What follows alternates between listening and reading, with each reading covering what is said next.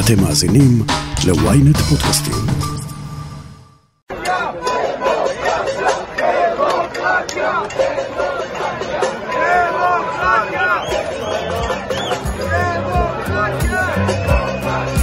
עשרות אלפי אנשים הפגינו במוצאי השבת האחרונה במוקדים שונים בארץ נגד הרפורמה, או כפי שהם מכנים, המהפכה המשפטית. זאת הליבה של תורת מונטסקייה בדבר הפרדת הרשויות. יש רשות מחוקקת, רשות מבצעת, רשות שופטת, והן מאזנות זו את זו. כך היה וכך יהיה. השבוע בכוונת הקואליציה להביא את הרפורמה להצבעה במליאת הכנסת. זהו רגע האמת מבחינת המחאה. אנחנו נתלווה לכמה ממנהיגי המחאה שיעשו היום את הדרך לכנסת.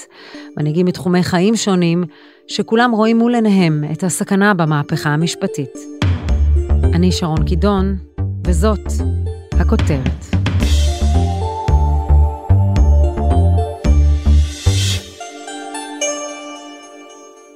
היום לפי התוכנית של הממשלה היו אמורים להביא את הסעיפים הראשונים ברפורמה המשפטית לקריאה ראשונה במליאת הכנסת. עיכובים של האופוזיציה בוועדת חוקה ידחו במעט את המהלך הראשון ליישום המהפכה המשפטית מהיום ליום רביעי. אבל מבחינת מובילי המחאה, היום זה היום שההפגנות עולות מדרגה ומגיעות לכנסת. משפטנים, רופאים, אנשי הייטק, מילואימניקים ועוד, כל אחד והמחאה שלו. הבוקר הם איתנו בדרכם לגן הוורדים, כדי לנסות ולמנוע את מה שלתפיסתם הוא שינוי כללי המשחק.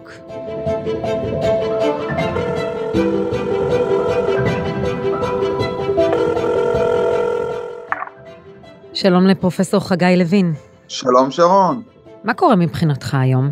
היום אני, יחד עם אלפי רופאים ורופאות, מטפלים ומטפלות, וגם הציבור הרחב, לא נתייחס ליום הזה כאל יום רגיל, לנוכח האיום בהפיכה משטרית בישראל שתפגע בבריאות של כולנו. אני אקח היום אה, יום חופשה מעבודתי כרופא בבית החולים, ואעלה לירושלים, אעלה לכנסת, מתכוון גם לדבר וגם למחות. אה, במקביל, חברים שלנו בבתי החולים ימשיכו לטפל, אבל יש לנו פה כאן סוג של אירוע רב נפגעים, נפגעים בבתי החולים ונפגעים בכנסת, ואנחנו צריכים לחלק את הכוחות כדי להגן על הבריאות של המטופלים שלנו ושל הציבור בישראל. תסביר לי מה מטריד אותך ברפורמה בהקשר המקצועי שלך. אנחנו חיים במדינה דמוקרטית שבה יש איזונים ובלמים בין הרשויות. האיזונים האלה מגנים על זכויות אדם, מגנים על הזכות לבריאות, על הזכות לקבל טיפול רפואי, מגנים על קבלת ההחלטות שהיא תתנהל באופן תקין, ואפשר לתת ממש מאות דוגמאות ספציפיות מישראל, כיצד האיזון בין הרשויות הוא זה שאפשר לנו לשפר את איכות האוויר במדינת ישראל, לשמור שהמים שלנו יהיו ראויים לשתייה, לשמור על כך שאישה לא נשואה תוכל לקבל טיפולי פוריות ושאסירים יוכלו לקבל חיסון נגד קורונה ברגע שבאופן חד צדדי, בלי הסכמה רחבה, בלי הידברות, עולים ב-D9 על המערכת המשפטית בישראל ומרסקים את כל מערך האיזונים והבלמים, הציבור בישראל נשאר בלי שום מגן.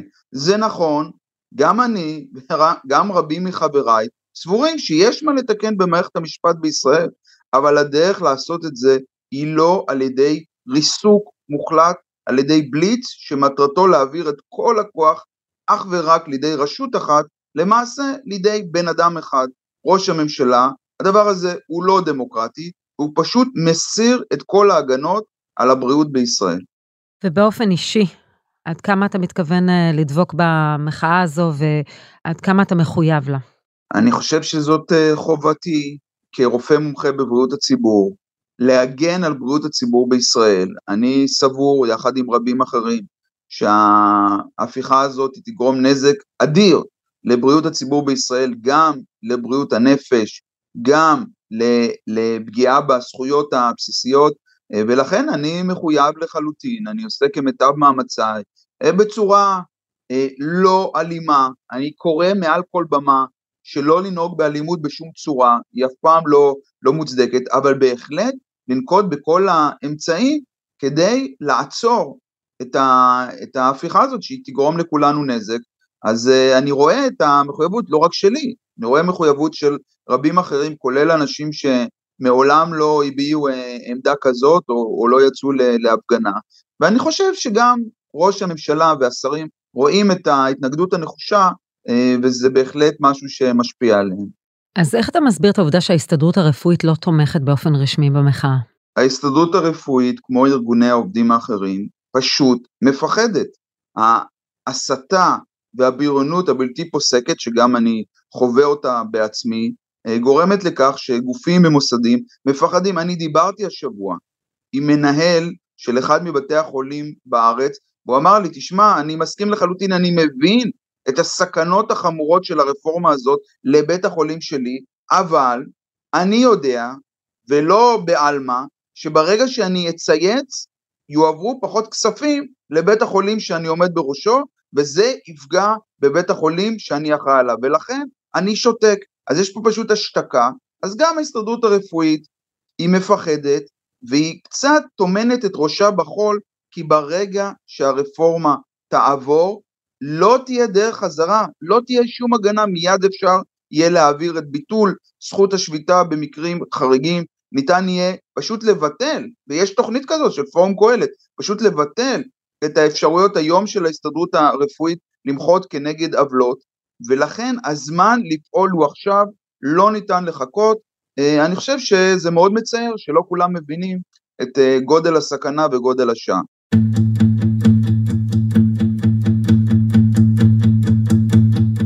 גם האלוף במילואים טל רוסו יעלה הבוקר לירושלים במסגרת מחאת המילואימניקים, למחות על מה שהוא מגדיר כהליכה בעיניים פקוחות לעבר ברוך. אני עולה, כן. אני אעלה, אני עוד לא, לא יודע בדיוק לאיזה נקודה, אבל uh, מה שנקרא אנחנו בתנועה. מה שמטריד אותי זה, ה... זה, לא, זה לא רפורמה. אם זה הרפורמה, אני חושב שיש הסכמה די רחבה שצריך לעשות שינוי. אבל זה צריך להיות uh, שינוי, uh, איך אומרים? לקחת את זה ולעשות עבודת מטה מסודרת ולהכין את השינוי הזה, אבל לא בצורה של uh, בליץ, שבסופו של דבר בליץ מטורף, שאין פה שום דיון. אנחנו מסתכלים גם את כל הדיונים של ועדות החוקה, זה לא דומה לכלום, אני עשיתי עבודות מטה, אני ניהלתי דברים, זה פשוט מושב לצים, לא פחות מזה. כשאנחנו מסתכלים על התחום שלך, איך בעיניך הרפורמה יכולה לפגוע בביטחון ישראל? תראי, אנחנו גדלנו על אה, מדינה יהודית ודמוקרטית ועם כל הסיסמאות, ופה כל הבלמים של הדמוקרטיה בעצם אה, נעלמים, וזה מצב בעיניי מאוד מסוכן. אני לא הייתי רוצה להיחשב כמדינות שלא, אני לא רוצה להזכיר אפילו את שמם, אבל זה לשם אנחנו הולכים. וזה מטורף. יש חבורה משיחית שמובילה את זה, עם אידיאולוגיה מאוד סדורה. אני חושב שהיא גם נגד האידיאולוגיה של רוב הימין, חושבים שהימין זה משהו אחיד ומאוחד, אבל זה ממש לא, יש את השמרנים ויש את המשיחים. ופה אנחנו רצים אחרי החבורה המשיחית הזאת. נתניהו חלש, קשה לו להתערב בזה. אני בטוח זה גם לא לדעתו של נתניהו. ופה צריך להגיע להידברות והסכמה הרבה יותר רחבה בשביל אירוע כל כך מז'ורי. מחאת המילואימניקים העלתה על סדר היום את החשש של קיטוב קיצוני בעם שיוביל לסרבנות. אם המהפכה תעבור, היה מי שאמר כי יקראו לאנשי המילואים לא להתגייס לשירות. המוות הזה בעד ארצנו עדיין תקף ועומד. אבל אני בטוח שאם השלטון יהיה פה דיקטטורי, שהוא יסתכל לאחור זה שיקרא לנו לדגל, הוא ימצא שאין מאחוריו אנשים. הגדיל לעשות הרמטכ"ל לשעבר דן חלוץ, כשאמר שאיש לא יתייצב להגן על המדינה אם נהפוך לדיקטטורה. האלוף במילואים רוסו מסתייג מקריאות כאלה. קודם כל, אני בשום פנים ואופן לא קורא לסרבנות, אני חושב שאנשים חייבים לעשות מילואים, חייבים לעשות את העסקים בארץ, חייבים לפתח את המדינה. מצד שני, להילחם בכל הדרכים החוקיות וזה מה שאנחנו עושים גם היום, על מנת לעצור את הטירוף. ואין אין פה הגדרה אחרת. עד לאן זה יגיע? אתה אומר לסרבנות לא, אבל מחאות כן. זו, זה גבול הגזרה שלכם? זה לא, מה זה שלנו? תראי, אה, בוא נגיד ששלשום היו 150 אלף איש בזה, אז יש שם כל כך הרבה קבוצות, ולוקחים כל מיני אמירות של אה, כאלה ואחרות, בדרך כלל של קיצונים, משני הצדדים. להגיד שלנו, של כולנו, של כל המוחים, זו אמירה לא, לא נכונה. חלוץ הלך, אה, אני חושב, צעד אחד אה, רחוק מדי, אבל את יודעת, אני חושב אחרת קצת. יש מי שמנסה להקביל את מה שקורה עכשיו לתקופת ההתנתקות, שאתה גם מכיר היטב. האם מדובר באותו מקרה? הם אומרים, יש ממשלה שמקבלת החלטות, וחלק מסוים שלה לא מקבל את זה, ובעצם שולל את הלגיטימיות של הממשלה. האם מדובר באותו מקרה בעיניך? ממש לא, כי פה אנחנו משנים את שיטת השלטון לחלוטין. צריך לעשות התאמות, צריך לעשות שינויים, אבל פה זה לא פחות מהפיכה שלטונית. זה לא דומה לחלוטין. כל אלה שמגבילים את זה להתנתקות, ואני חוויתי את ההתנתקות בצד אולי הקשה ביותר, כמי שהיה צריך לעשות את זה, כמפקד אוגדה, שהיה אחראי על צפון השומרון. חצי שנה הסתובבתי אצל כל הרבנים, מהרב שפירא, הרב אליהו, כל הרבנים, ולנסות לראות איך אנחנו עושים את זה עם מינימום שבר פנימי. אבל זה לא דומה, כי זה החלטה, זה לא שינוי שיטת המשטר.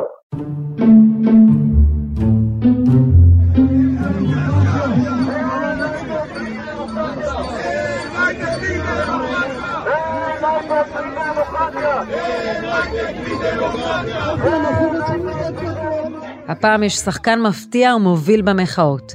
ענף ההייטק שנתפס כמנותק ואליטיסטי, אז איך הוא הפך למוביל המחאה, והאם ההפגנות ההמוניות יכולות להביא לעצירת המהפכה המשפטית או להידברות. הודעה קצרה, ומיד נמשיך עם הכותרת.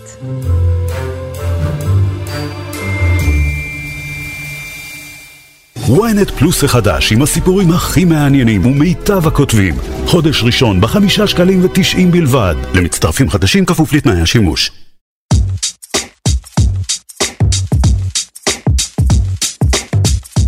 מי שמפתיעים במחאה הנוכחית הם אנשי תעשיית ההייטק.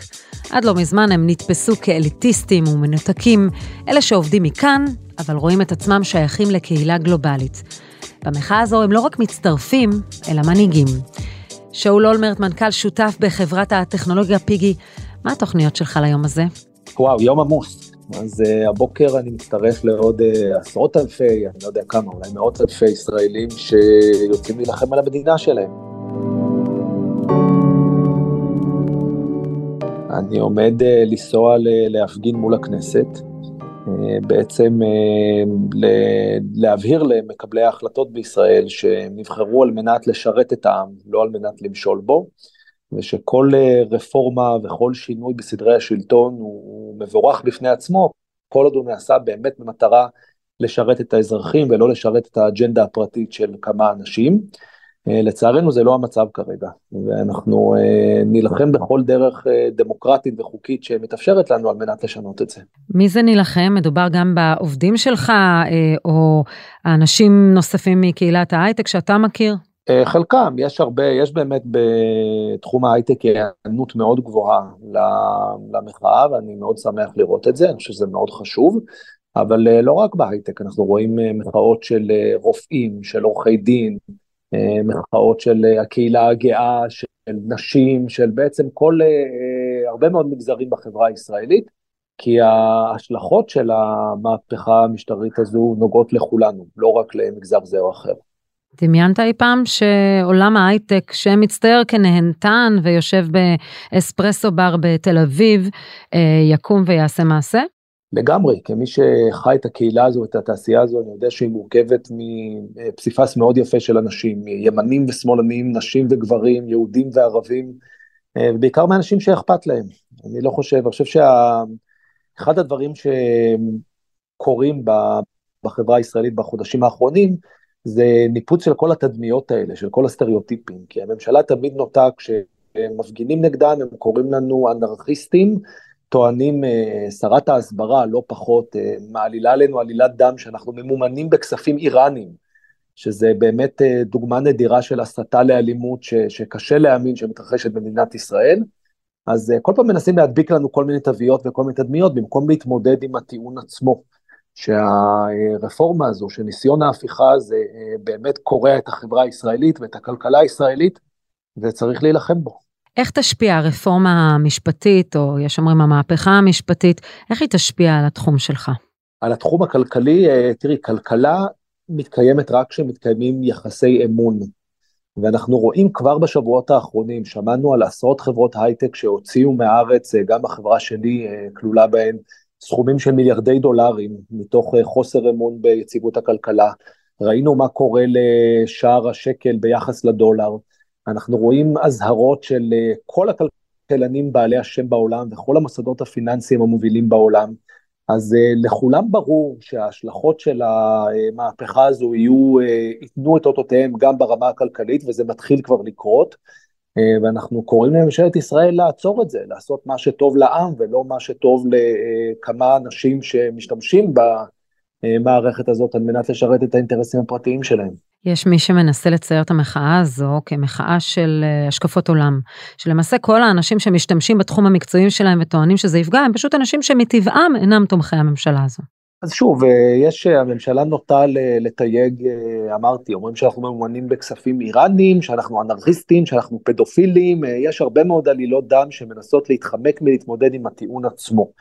אבל uh, מה הם יגידו? שגם כל זוכי פרס נובל וכל הכלכלנים הבכירים בעולם וכל מנהלי הגופים הפיננסיים בעולם, גם הם uh, uh, שמאלנים אנרכיסטים שמנסים רק להפיל את הממשלה, זאת אומרת, עד מתי uh, הם ימשיכו uh, לקלל ולהעליל עלילות במקום להתמודד עם הטיעונים עצמם? אני מקווה מאוד שבאיזשהו שלב הם uh, יתעשתו ושוב יעשו מה שטוב למדינה ולא מה שטוב להם. אתה יודע שיש מי שאומר, עברנו כבר צרות ואיומים מבחוץ, אנחנו בטוח נסתדר עם זה, זה הכל הפחדות. אז אה, שאותו אחד יסתכל מה קורה לשער השקל, יסתכל מה קורה לפקדונות הדולרים של המגזר העסקי בחשבונות הבנקים הישראלים, אה, שיקשיב לדבריהם של אה, המומחים הגדולים בעולם לכלכלה וכל השאר, ויבין שהפעם מדובר באזעקת אמת.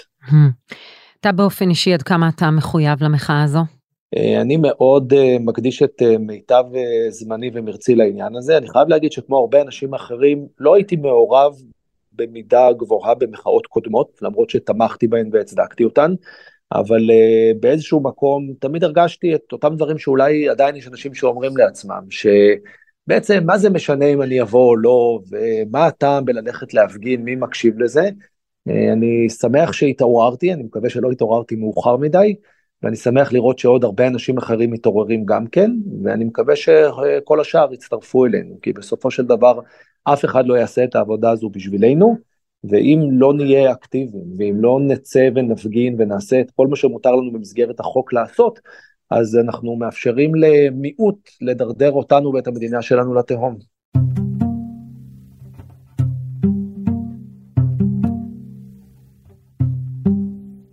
למרות אזהרות המומחים ולמרות הצעת הנשיא לפשרה, נראה שיוזמי המהפכה המשפטית לא מוכנים לעצור לרגע. והשאלה שנשאלת בכל מקום, האם המחאה תעזור? יש מי שמקשיב בירושלים? זה מה שחגי לוין, טל רוסו ושאול אולמרט חושבים. אנחנו כבר עכשיו רואים איך הממשלה מתכופפת בכל מיני מקומות שמופעל עליה לחץ. הבעיה היא שצריך להודות על האמת, שהמניעים למהפכה המשטרית הם לא טהורים ונקיים.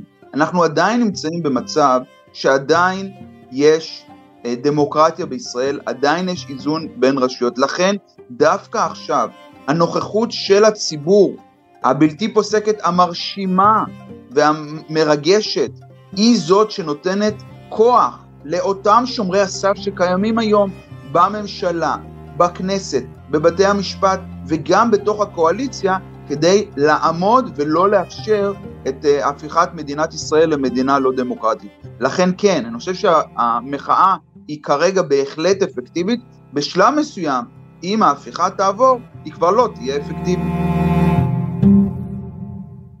אבל אין ברירה, אין ברירה, זה צו השעה, כי אני חושב שאנחנו ברגע, לא פחות מרגע היסטורי, שיכול לשנות את פני המדינה, ולא לטובה. וזה קשה, קשה לי, אני נחרד, אני רואה גם, וזה מגיע על פלטפורמה מאוד אה, לא פשוטה, של אה, בידול ושיסוע. זאת אומרת, אנחנו מתחילים בנקודה מאוד רעה. אני שומע, אני מדבר עם אנשים, הצד שלכם, הצד שלנו, כבר זה הפך לשתי מדינות. זה פשוט נורא, וזה יהיה עוד יותר נורא אם זה יעבור. אם לא יהיה פה הסכמה והידברות, ואנחנו פשוט הולכים לברוך. אני חושב שזה המעט שאנחנו יכולים לעשות, ומאוד חשוב לעשות את זה. לא צריך להסתכל על זה במונחים של אה, החזר ישיר על השקעה, כמו שאנחנו אומרים בתחום העסקי, זאת אומרת, אה, לא צריך להגיד, אה, וואו, אם אני נוסע היום לירושלים, אז החקיקה תיעצר באופן מיידי, הדברים לא עובדים כך, אבל בסופו של דבר ללחץ הציבורי יש השפעה גדולה, כיוון שבין חברי הקואליציה ישנם אנשים שגם באיזשהו שלב יתחילו להפנים את המסר, וחשוב שנעביר להם את המסר הזה. אה, ובסופו של דבר, לטווח ארוך, ממשלה לא יכולה לכפות את דעתה על הציבור כשהציבור מתנגד לו, ואנחנו רואים שבסקרים האחרונים ראינו שכבר למעלה מ-60% מהציבור מתנגד לניסיון ההפיכה הזה במתכונתו הנוכחית. אז uh, הציבור אומר את דברו, ו- וצריך להמשיך להגיד את דברו, ואנחנו מקווים שבהקדם האפשרי הממשלה גם תתחיל להקשיב לציבור. האלוף במילואים טל רוסו, פרופסור חגי לוין והיזם שאול אולמרט הם חלק מהאנשים שמובילים את המחאות בסקטורים השונים. מאחוריהם עומדים מאות אלפי אנשים שיוצאים בשבועות האחרונים לרחובות, גם בגשם ובקור, ורבים מהם יעלו להפגין מול הכנסת היום. שר המשפטים יריב לוין וחבר הכנסת שמחה רוטמן, נציגי הממשלה שמובילים את הרפורמה, מתעלמים מהקולות ושועטים קדימה. איש המפתח כאן הוא כמו תמיד נתניהו. האם כמו במחאה החברתית ב-2011, הוא יושפע וימתן את התוכניות שלו, או שהפעם, בגלל שמדובר בענייניו המשפטיים האישיים, הוא לא יעצור וילך עם זה עד הסוף. מוטב היה שנתניהו, שנתון בניגוד עניינים חמור, הוא מודע לפילוג בעם ולפגיעה הכלכלית הצפויה, ייתן ברקס ויודיע על פשרה והידברות.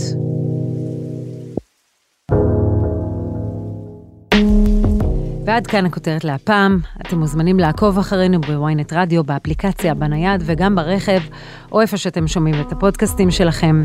אם זה קורה באפל או בספוטיפיי, אתם מוזמנים גם לדרג אותנו ולהאזין לפרק נוסף שלנו. חפשו את הפרק האנשים מאחורי המהפכה המשפטית. עורך הפודקאסטים רון טוביה, איתי בצוות הכותרת ישי שנרב ויואב רבינוביץ', תחקיר, הפקה ועריכה אלי שמעוני וגיא סלם. אני שרון קידון, ניפגש בפעם הבאה.